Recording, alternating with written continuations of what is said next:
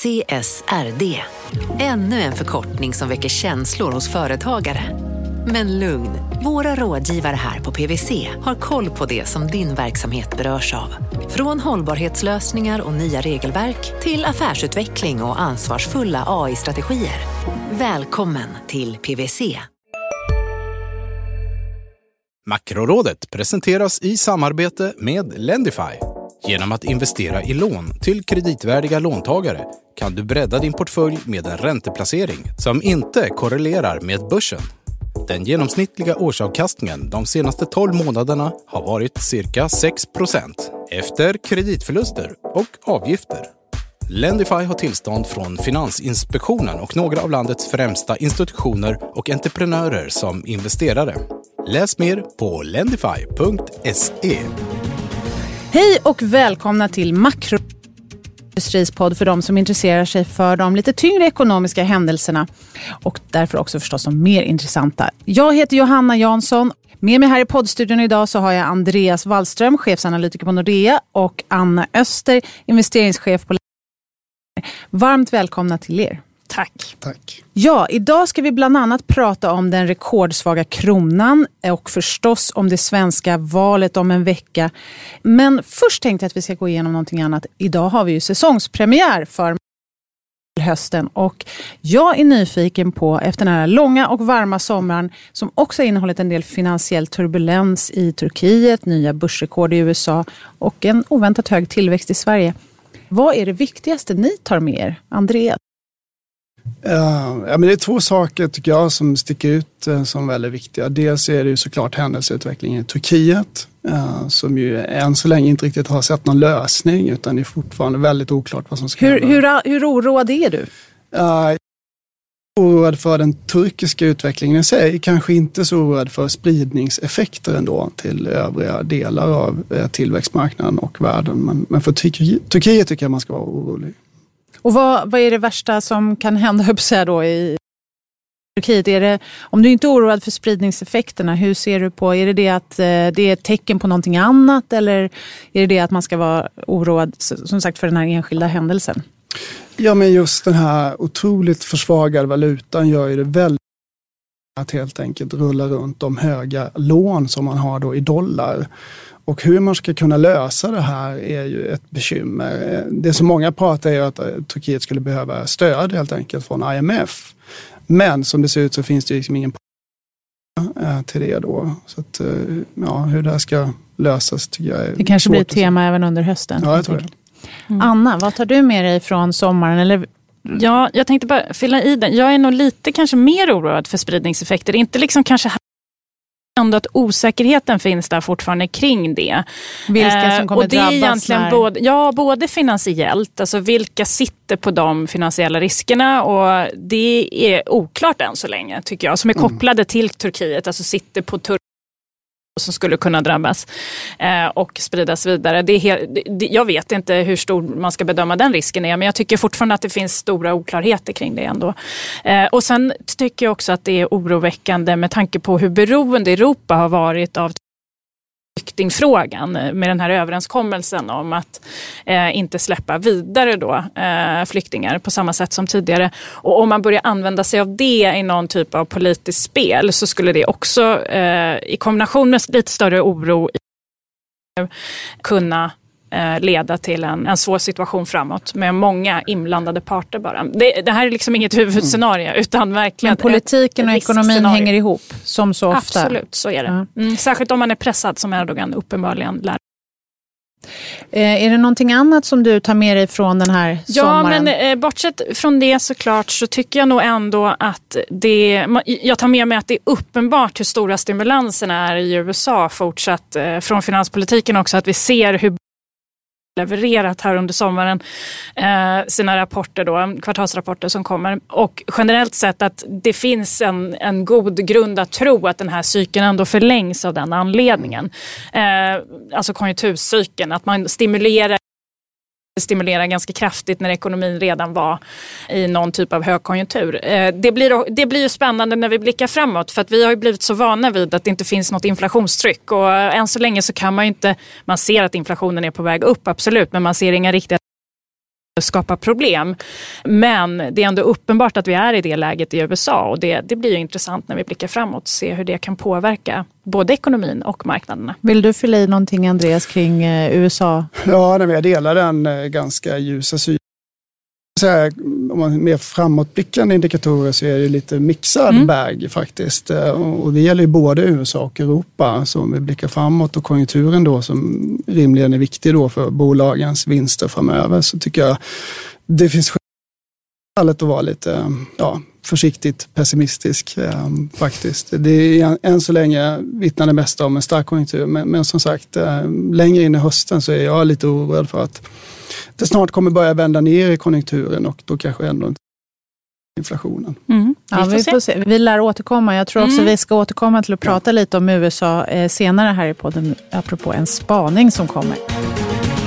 Vi står ju inför val i Sverige inom kort och också inför höstens besked eh, den 6 september. Eh, och en faktor som är relaterad till både Riksbanken och till de vallöften som nu haglar över oss eh, nu senast här så var det Socialdemokraterna som var ute och eh, fläskade förslag om en extra ledig vecka för eh, många barnfamiljer.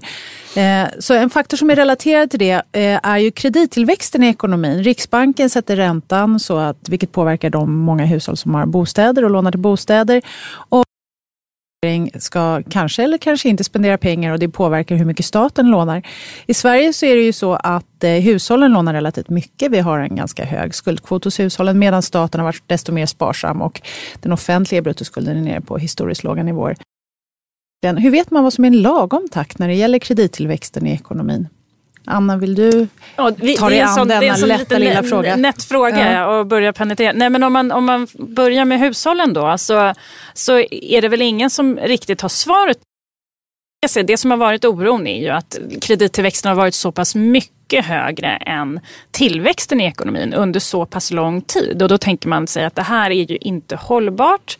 Eh, krediterna för den här sektorn kan inte växa då extremt mycket. Om man BNP eller disponibel inkomst och så vidare. Det finns ju en diskussion i sig men oavsett då vad vi jämför med så har krediterna vuxit mycket snabbare i den Både för hela hushållen. ekonomin och bo, en hushållens och inkomst. inkomst. Ja. ja. och då, då blir ju såklart skuldsättningen den högre. Och hur hög kan den då bli eh, utan att det här blir ett problem? Det har ju varit ett eh, långt tema. Eh, och där försöker man göra internationella jämförelser, vilket är väldigt svårt. Särskilt om man tittar på disponibel inkomst. Vi har betalt mycket mer när vi har inkomst än kanske andra i andra länder och så vidare. Vi har offentliga försäkringar. Ja, och... och vi betalar inte för vår skola och vård i samma utsträckning och så vidare. Så det, det, det, blir väldigt svåra jämförelser vilket gör att det är svårt att säga exakt en nivå på skuldstock. Men däremot såklart tillväxttakten. Nu är ju den på väg ner för hushåll, det är ju tydligt. Och trots att ju faktiskt räntorna har fortsatt vara låga och till och med kanske mm. sjunkit lite beroende på vilket perspektiv man har nu de, de senaste månaderna eller så. Och i och med att kredittillväxten ändå sjunker så är det ju tecken brott där. Ska man växa mer i takt med liksom tillväxt och inflation så ska vi ju ner till ja, 3,5-4 procent. Det är nästan Ja, lite knappt hälften av det det ligger på. Ja, ja. vi ska ner betydligt mer mm. men vi har kommit ner. Så att, eh, den tendensen är väl riktig. Men å andra sidan så har det varit så mycket annat som har påverkat den där höga tillväxttakten med tanke på att många fler hushåll äger idag sitt boende jämfört med tidigare och så vidare och tar därmed över skulden från en annan sektor i ekonomin.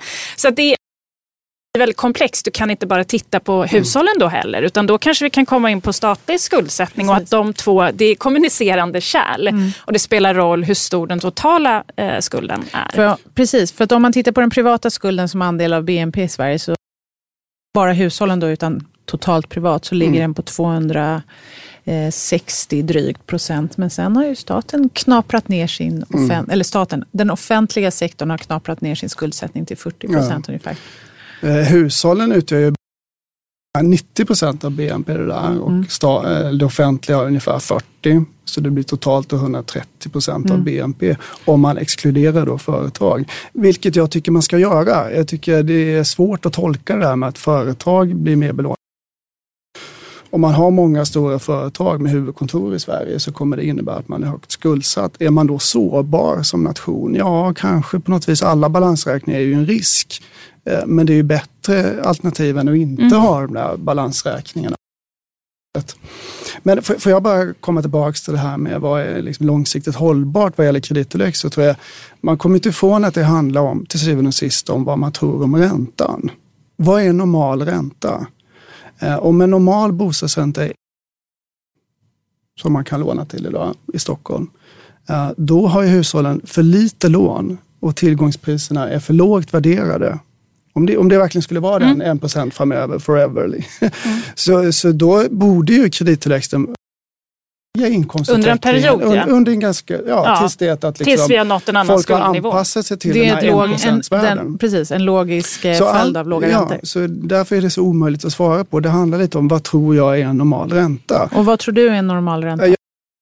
Förvisso lite högre än vad den är idag, men jag tror absolut vi är inne i någon slags low for long. Så jag tycker den bästa isen man kan göra är att räntorna förblir ungefär på, på dagens nivå länge än. Men med det sagt så är det såklart att riskerna ökar ju eh, med de här balansräkningarna. Gå tillbaka så långt i, tiden i Sverige. Eh, om vi går tillbaka till 2012 så hade vi rörliga bostadsräntor på över 4 procent. Och 2012 var ju också så här i modern tid efter finanskrisen. Ja, det får man ändå säga. och demografi och sådär. Alla de här på som strukturella faktorer som, som talar för låga räntor. Eh, Så att, eh, så att i, i- i det här liksom low for long så ligger att en bostadsränta kan vara 4 procent. Och det tror jag inte är förenligt med dagens kredittillväxt eller bostad. Då ska de ner, båda ska de två. ner. Ja, men det är Eh, väl just det där att vi är inne fortfarande i att vi anpassar. Det låter ju väldigt liksom, torrt och tråkigt och ekonomspråk och så vidare. Men, men just skulle vi ha sett ett stort skifte i den jämviktsräntan i någon typ neutral ränta, vad räntan ska cirkulera kring. Eh, Då ska ju liksom hushållen anpassa sig till en ny jämvikt och därmed öka sina skulder. Och sen kan ju räntan liksom variera i, i relation till den här liksom genomsnittliga räntan. Så du måste ju fortfarande ha en buffert såklart. Men nu Men under ju- den perioden så kan ju skulderna öka då. Det finns ju många som hävdar att det är det vi har varit inne i. Eh, Men återigen, det är så väldigt många osäkerhetsfaktorer vilket gör att det är väldigt svårt att svara på en exakt siffra. Ja, givet att räntan skulle vara så här så ska stocken av skulder vara så här. Det finns ett stort osäkerhetsmoment. Men Johanna, staten lånar för lite i varje fall. Ja, och det... Eh, Eh, Beroende på hur man ser på det. Inte givet de ramverk vi har. Men möjligen eh, om man har en annan önskan om vilken typ av investeringar vi ska ha. Mm. ja, men det är precis. CSRD. Ännu en förkortning som väcker känslor hos företagare. Men lugn, våra rådgivare här på PWC har koll på det som din verksamhet berörs av. Från hållbarhetslösningar och nya regelverk till affärsutveckling och ansvarsfulla AI-strategier. Välkommen till PWC. Var du än är och vad du än gör så kan din dag alldeles strax bli lite hetare. För nu är Spicy Chicken McNuggets äntligen tillbaka på McDonalds. En riktigt het comeback för alla som har längtat. Och det är som ni säger, det kommunicerar att lånar lite, då lånar hushållen mer. Så vill man få ner hushållens skuldsättning då får man nog acceptera att det händer någonting annat i en annan del av ekonomin. Kanske så. Men det, det här lär bli ett ämne att eh, återkomma till. Ni har med er några... Anna, jag vet att du har eh, tänkt på den eh, historiskt svaga kronan. Ja, precis. Det är ju ändå ett hett tema med tanke på att vi når toppar igen här nu med kronan på 10 och 70. Nu har jag inte sett vad som har hänt precis här nu på morgonen, men man är väldigt svag mot euron, också väldigt svag mot dollarn. Det är lite olika faktorer. Det är både en kronförsvagning men också en, en stark dollar på senare tid. Då, så att det är flera olika faktorer där. Men kronan är hur man än vrider och vänder på det väldigt och det har den den svagaste sedan finans och Ja, skuldkrisen. Mm. eh, och, ja, precis. Det är en krisnivå på kronan. Eh, det, är inte, det är inte en krona vi brukar ha när ekonomin ser ut på det här sättet. Vi har ändå sett, vi har pratat om sommaren, vi har ju bland annat fått väldigt starka från Sverige. Nu får vi se hur de håller sig. De kommer sannolikt kanske revideras ner, den här starka kvartal två-siffran. Men det ser ändå i grund och botten ju fortsatt starkt ut i svensk ekonomi. Eh, och givet det så är det förvånande att kronan är så här svag faktorer som liksom har talat emot kronan på senare tid. Det är både handelskrig generellt, vi är en liten öppen ekonomi. Det gör såklart att skepticismen mot svenska ekonomin generellt sett borde öka. Det tycker jag är rimligt. Eh, vi har haft vår egen bostadsmarknad som har spökat exakt hur stor effekt det har varit av det. Man kan ju också fundera om det finns någon, någon oro kring valet nu när vi närmar oss. Eh, det är väldigt svårt att se att det här skulle bli ett finanspolitiskt problem. André har ju redan konstaterat att vi lånar för lite så att det kanske inte minoritetsregering som spenderar lite mer givet det perspektivet. Men osäkerheten kring valet är ju väldigt stort och det kan säkert finnas någon typ av riskpremie kring om vårt, liksom, i ett internationellt perspektiv om liksom populistpartier och så vidare. Men i grund och botten så är det ju Riksbanken och det är väl där jag tycker vi kan... Eh, eh, spaningen blir ju inte att de höjer räntan nästa vecka tyvärr, för det hade ju kunnat vara spännande, men det tror jag inte. Men däremot så önskar jag verkligen att de skulle blicken och i sin kommunikation våga svänga om kring det här. Att ta ett mer helhetsgrepp kring om det är rimligt att ha så här låg ränta när ekonomin ser ut som den gör. Att gå bort lite från det här med är det rimligt att höja räntan eller utan också titta på det i ett nivåperspektiv då. Är det rimligt med den här ekonomin att ha en minusränta och en väldigt kraftigt negativ realränta då när man tar räntan och drar bort inflation som i grund och botten är viktig för hur mycket vi stimulerar ekonomin. Eh, och jag tror att Riksbanken är den absolut viktigaste förklaringen till att kronan är så här låg. Och jag önskar att man även tog med det i beräkningen. Att är det rimligt för Sverige som helhet vi uppfattas på det här sättet och att kronan försvag har försvagats på det här sättet. Eh, och vad kan de göra för att liksom åstadkomma ett annat förtroende för inflationsmålet som inte är beroende av en kronförsvagning? Då? Fyra faktorer alltså. Det är skak på svensk bostad. Eh, handels... Det borde vi rimligen ha lämnat ja. lite bakom oss eftersom det ser ut att ha stabiliserats mm. lite grann. Men det har ju varit en viktig varit faktor hittills. under året. Mm. Men lite bostadsmarknad, lite handelsoro, lite politisk oro men framförallt Riksbanken. Ja. Mm. Finns det någon chans att våga hoppas inför kronan efter valet? Vad tror du Andreas? Ja, det tror jag. Eh, men jag delar, jag delar också synen att Riksbanken är, är nog den viktigaste faktorn här och eh, valet spelar en sekundär roll ändå. Så det, det, blir helt avgörande tror jag vad Riksbanken de har nu ett, ett, fönster då helt enkelt att vara lite mer hökaktiga. Att även om de inte höjer i september faktiskt signalera en ganska snar höjning då. Uh, för jag tror också att en del uh, inom direktionen på Riksbanken lite börjar skruva att kronan är så pass svag ändå. På något vis så är det ju en, eh, ett mått på förtroendet ehm, kring ekonomin. Det är mycket eh, utlänningar som, som säljer nu vad jag förstår eh, och också många utlänningar uttrycker oro, har gett upp lite på Riksbanken men också uttrycker oro inför valet faktiskt. Så jag tror båda de är, det är de viktigaste förklaringarna. När det gäller eh, förtroendet på lång sikt och kort sikt och vad man tror om centralbanker och sådär så det är ihop med kanske lite skruvad övergång, men dock. Mm. Det hänger ändå ihop med eh, din spaning Andreas, som du har tagit med dig. För den handlar ju just om skillnaden mellan korta och långa räntor, eller hur? Dock inte i Sverige, men i Nej, USA. det finns eh, det som nu dator nu, som jag ska säga, hela finansmarknaden eh, riktar sina blickar åt är den så kallade avkastningskurvan i USA. Eh, helt enkelt skillnaden mellan långa och korta räntor. Eh, och det är så här att historiskt så har det varit en jättebra på att en, eh, om den inverterar så att de korta räntorna blir högre än de långa eh, så indikerar det att vi är nära förestående en recession. Och det har varit en fantastisk då indikator historiskt. Eh, själv så är jag ju ganska skeptisk indikatorer som kan säga någonting om recession framöver. Eh, jag vet, jag har jobbat med det här ganska länge. Det är svårt att hitta sådana här vändpunktsindikatorer och sådär. Men man kan i alla fall säga att marknaden handlar som om. Ja, precis. Eller hur ska man se? Ja, Någon på marknaden räntor ska handlas till en högre nivå än Ja, alltså mekanismen här är ju såklart mm. att de korta räntorna fortsätter att stiga i USA för att Fed är säker på att fortsätta på inslagen i närtid så att man fortsätter att trumma upp eh, korta räntor. förväntningar på ekonomin på längre sikt då, liksom real tillväxt och inflation är fortsatt dämpade. Då. Eh, och snart då kanske man kommer komma till en punkt då, då där tvååringen i det här fallet är högre än eh, räntan på en tioårig statsobligation. Och det skulle då alltså nära förestående. Och som sagt, jag är själv lite skeptisk till den här typen av prediktorer, men den har utvärderats och fått eh, visat sig vara en tillförlitlig indikator. Det är också så att man inom Fed, många Fed-ledamöter eh, tittar ju på det här och är oroliga. Så det, jag tycker liksom inte kan förbise. Men det är på något vis kan jag tycka också det är lite konstigt. Vad är det som finansmarknaden då i, i sin prissättning skulle veta om en recession ett eller två år framåt? Det är, om man tänker så så är det, det är alltid på något vis svart som dyker upp och som orsakar de här kriserna. Vi vet ju faktiskt ingenting om framtiden.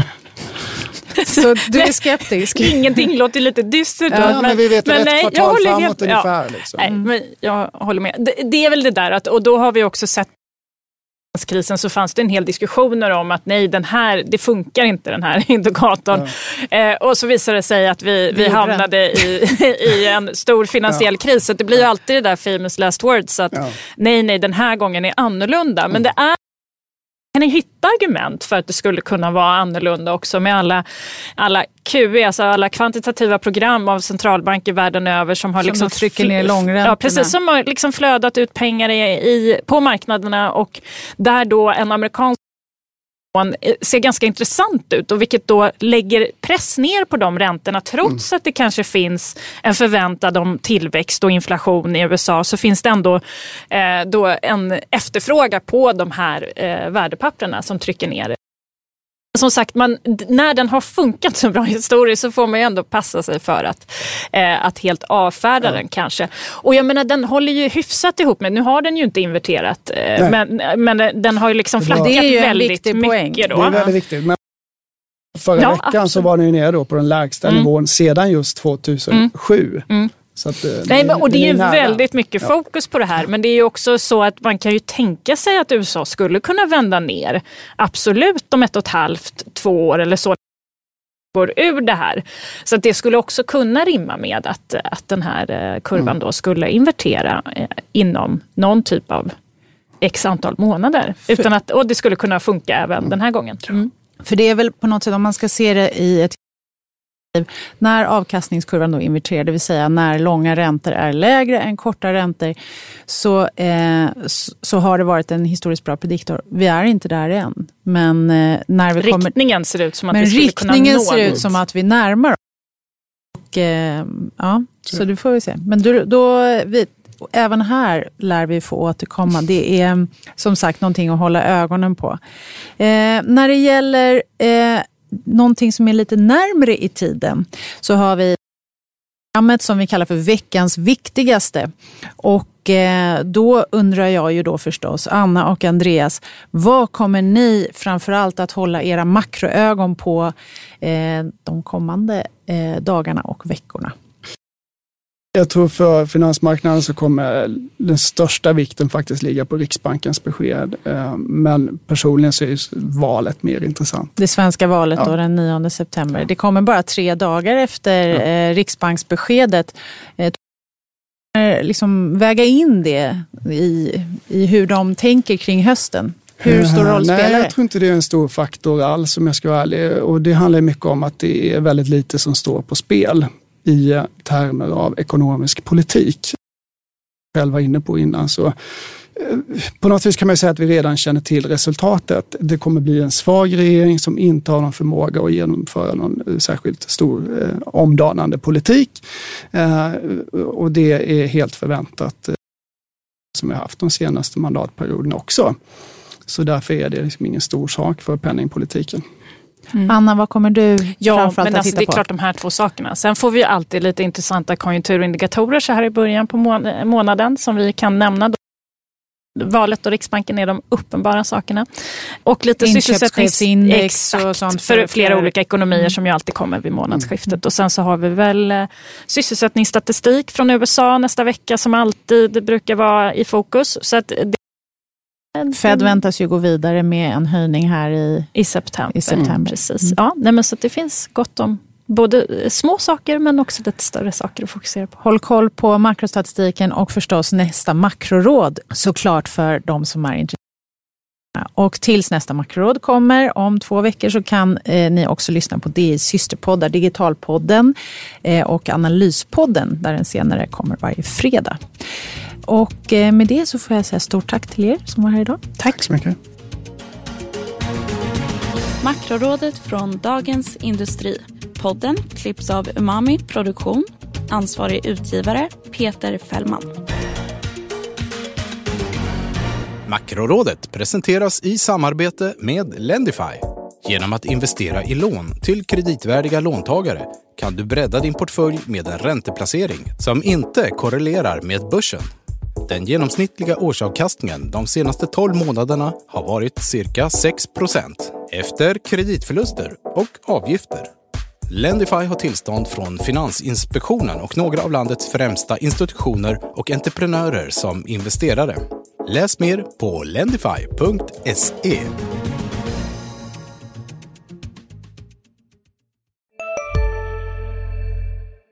CSRD, ännu en förkortning som väcker känslor hos företagare. Men lugn, våra rådgivare här på PWC har koll på det som din verksamhet berörs av. Från hållbarhetslösningar och nya regelverk till affärsutveckling och ansvarsfulla AI-strategier. Välkommen till PWC. Du har 86 missade samtal. Senaste samtalet togs emot... Att missa typ tusen kundsamtal, det är inte Telia. Att ha en molnbaserad växel som löser allt, det är Telia. Upptäck Smart Connect som gör ditt företagande enklare. Läs mer på telia.se företag.